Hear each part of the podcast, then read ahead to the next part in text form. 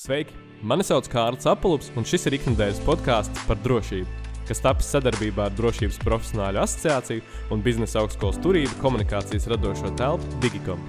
Podkāstā runājam par kiberdrošības, ugunsdrošības, darba aizsardzības un fiziskās drošības tēmām. Mēs runājam par detaļām, jo tām ir nozīme. Tās glābj cilvēku dzīvības un pasargā mūs no nelaimēm. Šis ir pirmais raidījums, un pirmajā raidījumā mēs tiekamies ar Drošības profesionāļu asociācijas biedriem Ingu Ezerosi. Sveiki, Inga! Sveiki! Un Mārtiņu Melni. Sveiks, Mārtiņ! Sveicināti! Un, kā jau mēs minējām, tad Drošības profesionāla asociācija, un mēs pastāstīsim arī, tad, ko šī asociācija dara. Bet pirms mēs stāstām par asociāciju, es gribētu, lai mūsu arī viesu studijā iepazīstina ar sevi. Un, Mārtiņ, tu varētu pastāstīt, ar ko tu nodarbojies un kāpēc tu esi Drošības profesionāla asociācijā. Jā, sveicināti.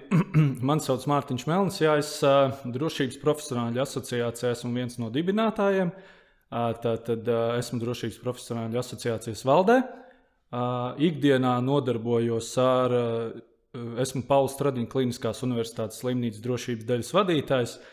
Nu jau vairāk kā pieci gadi uh, atbildu uh, par ārstniecības iestādes uh, drošības jautājumiem, sākot ar apsardzi, beidzot ar ārkārtas situāciju pārvaldību un darba aizsardzību. Pašā drošības nozarē nu jau būs 12 gadi, jā, un pēdējie septiņi ir pavadīti publiskajā sektorā. Tad Covid laikā tu esi bijis arī patiesībā frontē. Ja? Nu, tā, tā, tā var teikt, jā, kad esam cīnījušies, un mūsu uzdevums ir atvieglot uh, medpersonālam un pacientiem šo dzīvi slimnīcā, pielāgojot dažādas drošības risinājumus, tā skaitā nodrošinot kārtību un, un, un uzturot šos visus procesus. Un Inga, tu arī mums esi no drošības nozares, bet kāds ir tavs specializācijas lauciņš un ar ko tu nodarbojies? Jā, nu, pēdējos 11 gadus darbojos darba aizsardzības, ugunsdrošības un civilās aizsardzības jomā. Desmit gadus strādāju kā darba aizsardzības vecākā speciālista uzņēmumā, bet nu, jau tuliņ būs pirmais gads, kā vadu kompetentajā institūcijā savu darba aizsardzības speciālistu komandu. Mēs esam šodien tā zīmīgi arī, protams, savākušies nu, saka, no drošības profesionāla asociācijas, tieši lai parunātu arī par šiem drošības jautājumiem. Un loģiski mūsu klausītājiem gan jau jautājums ir, kas ir drošības profesionāla asociācija, ko tā dara un kad viņa ir dibināta un kāpēc es par viņu varbūt neko nezinu. Tad nelielam ieskatam, biogrāfiski mūsu asociācija ir dibināta 21. gada martā, ja nemaldos oficiāli. Un šajā šobrīd, tātad decembrī, mēs jau esam vairāku desmitu biedru sastāvā, kur mēs pārstāvam četras IT drošības, ugunsdrošības, darba aizsardzības un apsardzes fiziskās drošības spektrus. Faktiski apvienojot visu plašo drošību Mārtiņ, pastāsti, kāpēc tev liekas, kāpēc šāda asociācija bija vajadzīga, ja mēs zinām, ka Latvijā jau ir vairākas ar drošību saistītas asociācijas? Jā, nu, ideja izveidojās uh, trim uh, domu biedriem, kur viens ir arī Kārlis Apalovs, un uh, trešais ir Artūrs Sāmars. Mēs esam trīs valdē. Ideja radās uh, veidojot, veidot šādu asociāciju, jo uh, skatoties uz drošības nozari, principā pēdējos 20 gadus kopš, kopš Latvija teiksim, ir neatkarīga, arī šī nozare sāk attīstīties. Pārsvarā šo nozari pārvaldīja uzņēmuma asociācijas. Un ļoti bieži saskārāmies ar situācijām, kad patiesībā mēs kā pakalpojumu pasūtītāji dodamies uz dažādiem semināriem, apmācībām, uh, un dažādiem pasākumiem, kur šos pasākumus vada, organizē un stāsta, kā pareizi iepirkt pakalpojumu tieši uzņēmuma pārstāvji, kas lika uzdot to būtiskāko jautājumu, vai tā ir pareizi un vai patiešām mūsu sabiedrībā un drošības nozarē kopumā nav pieejami speciālisti, kuri nav tieši atkarīgi no uzņēmuma kā tāda. Eh, teiksim, eh, zinot to, ka sabiedrībā un kopumā ir zinām daudz drošības profesionāļu, kas ir izmācījušies, ieguvuši izglītību un eh, ļoti daudz gadus jau strādā drošībā, radās šī ideja, ka ir jāveido profesionāļa asociācija, kas ir pilnīgi neatkarīga no uzņēmumiem. un attiecīgi pieaicinot šos biedrus, kolēģus, domu biedrus, veidojās arī šī asociācija. Mūsu galvenā vīzija ir izglītot sabiedrību, palīdzēt pakalpojumu ņēmējiem saprast, kā var drošību nodrošināt ne tikai uzklausot pakalpojumu teiksim, sniedzēju viedokli. Inga, tu asociācijai pievienojies salīdzinoši nesen. Pastāsti, kāda bija tava motivācija, kāpēc tu vēlējies iestāties, un vai darba aizsardzībā arī ir līdzīga situācija, kā Mārtiņš raksturoja? Um, protams, um, asociācija, kurā darbojās cilvēki, kuriem šī nozare ir svarīga, uh, bija lielākais motivators, kāpēc es vispār izdomāju iestāties. Jo asociācijas uh, nozares pārstāvji, tiem, tie, tie ir tie cilvēki, kuriem uh, šis darbs vai šī nozare ir sirds lieta, nevis uh, vienkārši teiksim, tas, ko, tas, ar ko viņi ikdienā nodarbojās, tas ir pavisam cita līmeņa ieguldījums nākotnē. Un, un es uzskatu, ka tieši tie cilvēki, kuri nozarē darbojās ar, ar sirdi, spēs šo, šī, šo nozari attīstīt un pacelt citā kvalitātē. Jo pēdējo gadu šis Covid nu, vērojams, ka šī, šai nozarei jāiet no šīs birokrātiskā ceļa mazliet, mazliet savādāk. Jā, tā tad šī vispasaules covid ietekme vērojam arī darba aizsardzībā un, un, un citās drošības nozarēs. Labi, mēs, piemēram, Mārtiņš teica, ka šo asociāciju tad vajadzēja dibināt, nu, tāpēc, ka, kā saka, pasūtītājiem nav pārstāvi. Bet, bet, nu, bet kas ir tā galvenā problēma? Varbūt, nezinu, Mārtiņa, Inga, jūs varbūt varat atbildēt katrs par savu, bet kas, kas, kas ir vēl no tā? Nu, kas, kas izriet par to problēmu? Kas ir tā galvenā problēma, kāpēc, nu, kāpēc to pasūtītāju vajag pārstāvēt? Kas, kas, kas, kas līdz šim nav bijis pārstāvēts? Nu jā, komentējot, varbūt atbildot uz tavu jautājumu, Šī arī ir būtisks apstākļus, kāpēc veidojās asociācija. Jo es, piemēram, viens kā drošības dienesta vadītājs Stradiņas slimnīcā nespēja ietekmēt nozari kopumā. Man nav iespēja aiziet pie likumdevējiem un pateikt, ka klausieties, mēs darām kaut ko ne tajā virzienā, vajadzētu mainīt. Un šis ir tas solis un instruments, leģitīms instruments, kā mēs, kā asociācija, pieaicinot dažādas jomas profesionāļus, virzam šo domu jau tālāk, lai sakārtotu arī veiktu izmaiņas normatīvajos aktos un to nozari virzītu pareizajā virzienā. Es nesaku, ka patreiz nozara neiet pareizajā virzienā. Noteikti atskatoties kāds 10, 15 gadus atpakaļ bija sliktāka situācija. Nozare pamazām sakārtojās, bet ir jāsaprot būtisks aspekts. Jā, diskutējot, piemēram, likum, pie likumdevēja varās, pie galda, diskutējot pretī ir tikai normatīvu aktu radītājs un pārdevējs, sauksim tā, apsardzes kompānijas, kuru viens no pamatu uzdevumiem ir biznesa.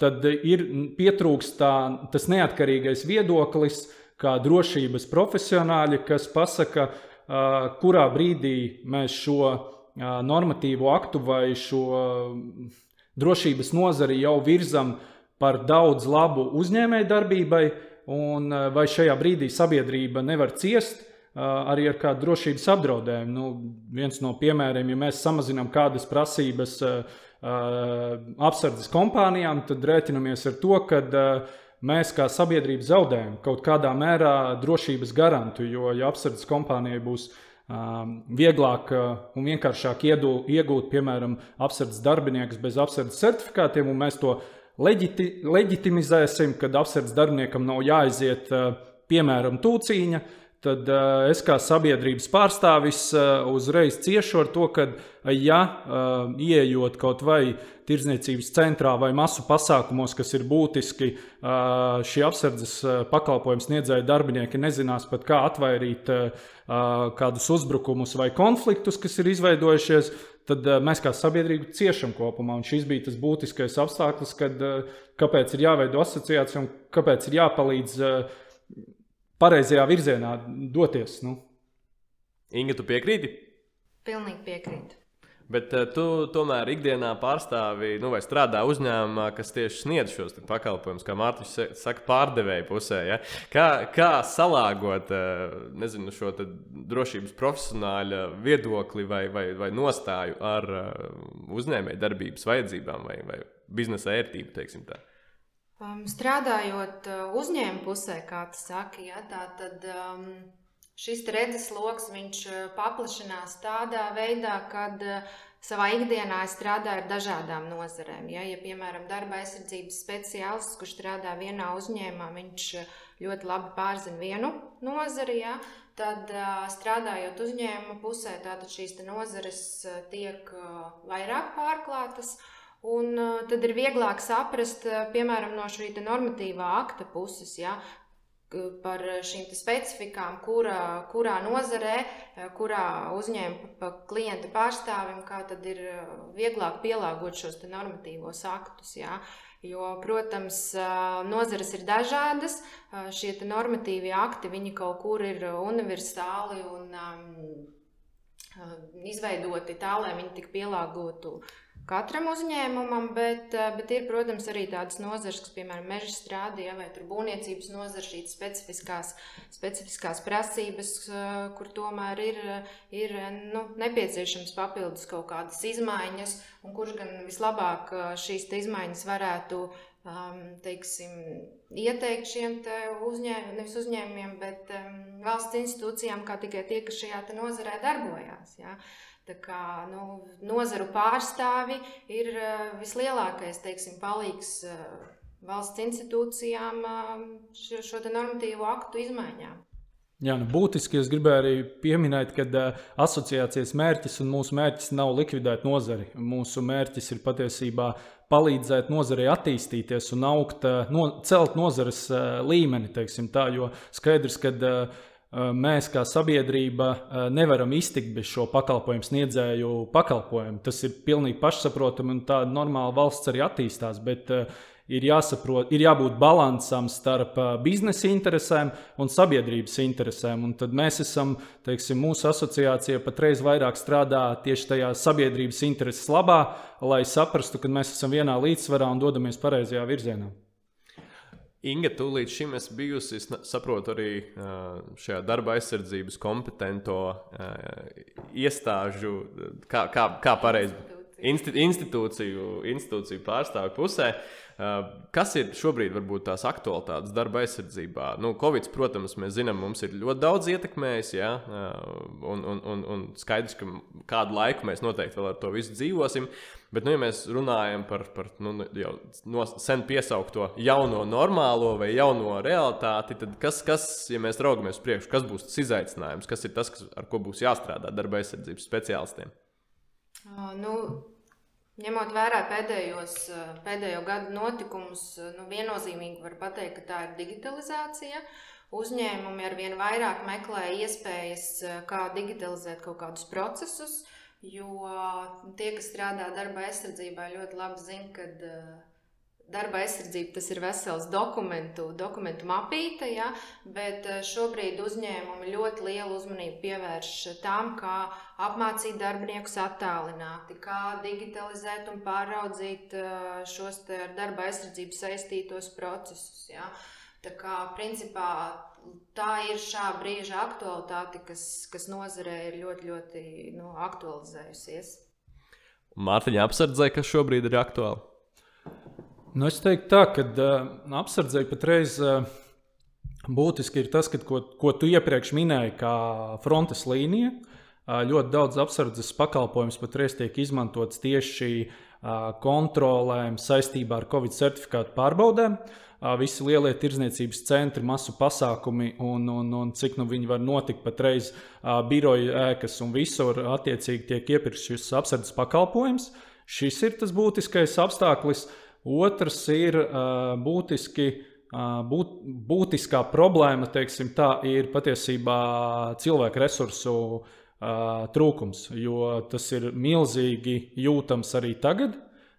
Cik ļoti trūkst drošības pakalpojumu sniedzējiem cilvēku resursu, un attiecīgi šī pakalpojuma kvalitāte krītās, kaut arī cenas aug. Un attiecīgi šie ir tie būtiskākie apstākļi, kas, pie kā patreiz ir jāstrādā. Plus šajā frontes līnijā ļoti bieži ir izveidojis konflikti. Agresivitātes no, no šiem apmeklētājiem, agresivitāte var būt sabiedrībā kopumā, arī sociālajos tīklos, un tad attiecīgi drošības pakalpojumu sniedzēji cenšas strādāt, lai uzlabotu šo situāciju, mazinātu šos konfliktus jau šajā frontes līnijā un izskaidrotu sabiedrībai, kāpēc tas vispār notiek, kāpēc tas ir nepieciešams mums kopumā.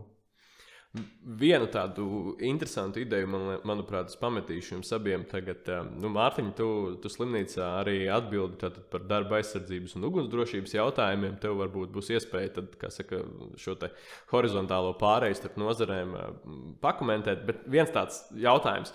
Vai jums nešķiet, ka darba aizsardzības uh, teiksim, prasības un, un normatīvais regulējums ir daudz, daudz nu, teiksim, attīstītāks, plašāks, ja mēs zinām, ka, piemēram, piemēram, ir krimināla likuma, ja nemaldos, 146. pāns, kas pasaka, ka par darba aizsardzības noteikumu pārkāpšanu darba aizsardzības speciālists var arī sēdēt cietumā. Ja?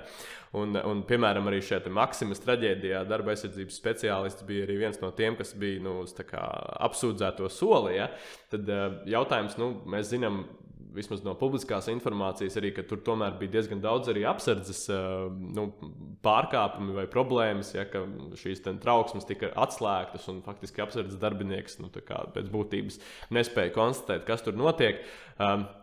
Kā tev liekas, Mārtiņa, Inga, vai nav tā, ka mēs patiesībā šajā drošībā kaut kādus tādus dubultos standartus varbūt piemērojam, ka mēs darba aizsardzībā prasām ļoti daudz, un, un, un, un, un varbūt viņi pat ir savā ziņā birokrātiska, bet eh, šajā apsardzē mēs tieši nolaižam šos te, nu, standartus, vai diezgan esam nu, atvēruši to, to, to, to pakalpojumu bez tāda no, nosacītas, nu, baigajām prasībām. Ja? Un kad sanāk tā, ka patiesībā tie, kas to drošību nodrošina, šie apsargi, um, ka viņi patiesībā baigi nemaz neuzņemās atbildību likuma priekšā, un līdz ar to arī apsardzes komersanti.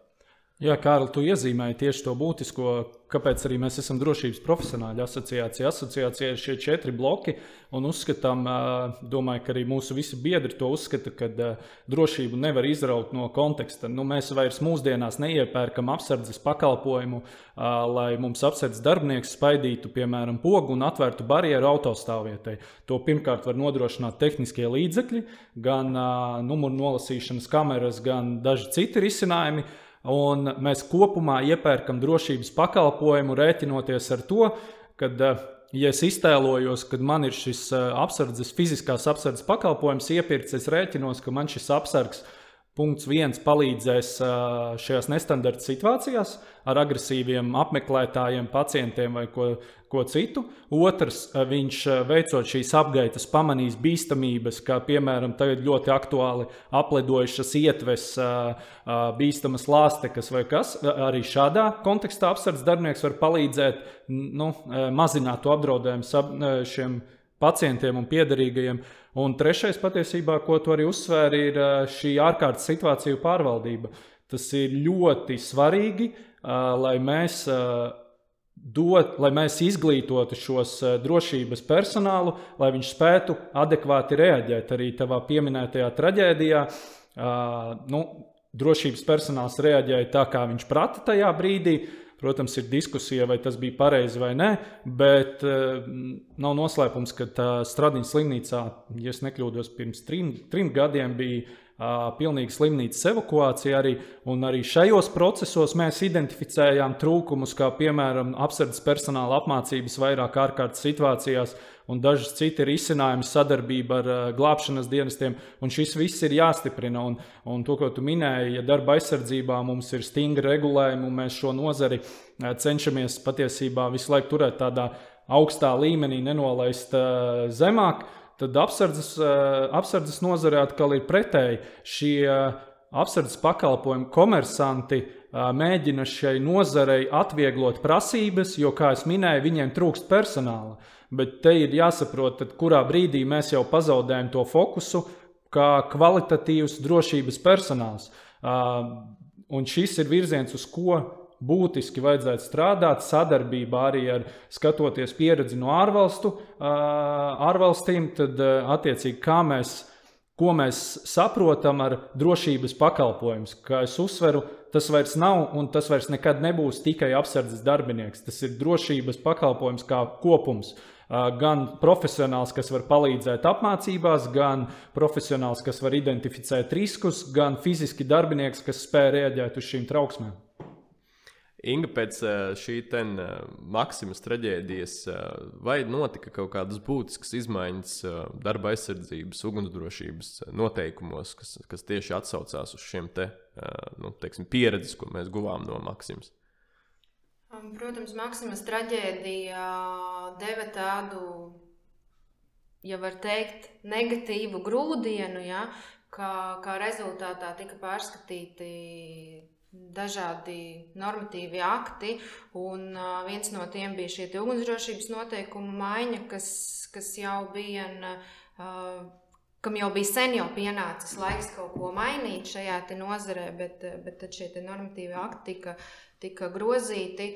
Un, un es gribu teikt, pie, nu, teiksim, kā, piekrist tam, ko teica Mārtiņš, kad visa pamatā ir darbinieku zināšanas, kvalitatīva apmācība.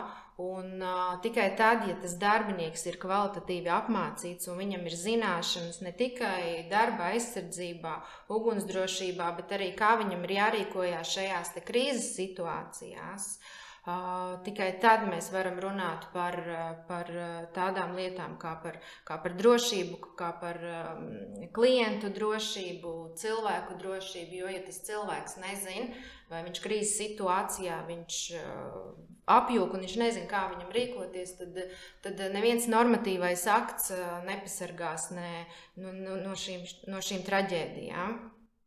Šķiet, ka drošība, laikam, arī atšķiroties no citiem eh, normatīvu aktu kopumiem, nu, kā saka, nozarē tiek rakstīta arī ar asinīm.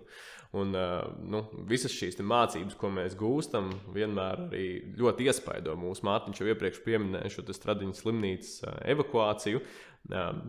Es Mārtiņam pajautāšu arī pēc brīža par to pastāstīt, varbūt vairāk, kas, ka, kādas bija tās galvenās atziņas, bet nu, tāds nesens notikums, kas atkal mums atgādina par, par to, ka mums kaut kas tomēr nav sakārtots. Līdz galam, ir šī te, uh, Mērķeļa ielas nelegālās viesnīcas ugunsgrēks, ja, kur faktiski atklājās, ka nu, šis hostelis, hotelis, nezinu, kā mēs viņu varētu nosaukt, bija tur, bija tur izveidots nelegāli, ja, bija klāji ugunsdrošības pārkāpumi, un, un, un, un atkal, kā sakam, atklājās, ka nemaz pašvaldība nu, ne, nespēja fiksēt šādus gadījumus pirms tam, ja, atklājās visādas, visādi trūkumi procesā. Kā mēs varam nonākt līdz tam, ka mēs nevis normatīvos aktus grozam tikai post factum, ja kad mēs esam atkal zaudējuši cilvēku dzīvības, bet kā nonākt līdz tam, ka mēs preventīvi jau spējam identificēt kaut kādas problēmas sabiedrībā, normatīvajos aktos, kaut kādās mūsu procedūrās un strādāt uz to, lai mēs vispār nepieļautu, ka šīs nāves nu, pienāk. Mārtiņa, Inga, kā jums liekas?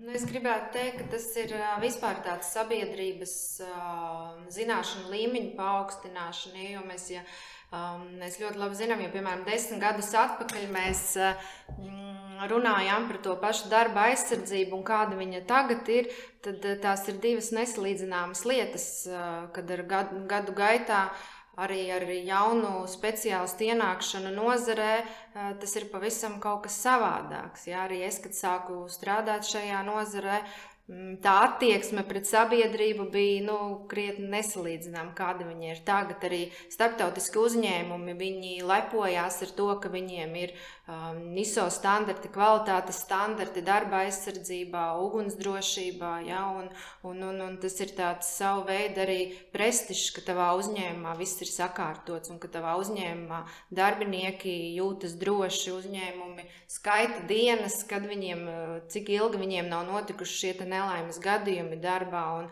un, un, un es uzskatu, ka tas ir tikai pateicoties tiem cilvēkiem, kuriem ir eh, svarīgi darbinieku drošība ja, un veselība. Un es, es vienmēr intervijās eh, saku, es, ka man ir svarīgi tas, lai tie darbinieki ne tikai sveiki un veseli atnāktu uz darbu, bet arī sveiki un veseli atgrieztos darbā. Un tas ir tas, tā, tā, tā misija tiem visiem speciālistiem, kas šajā nozarē strādā.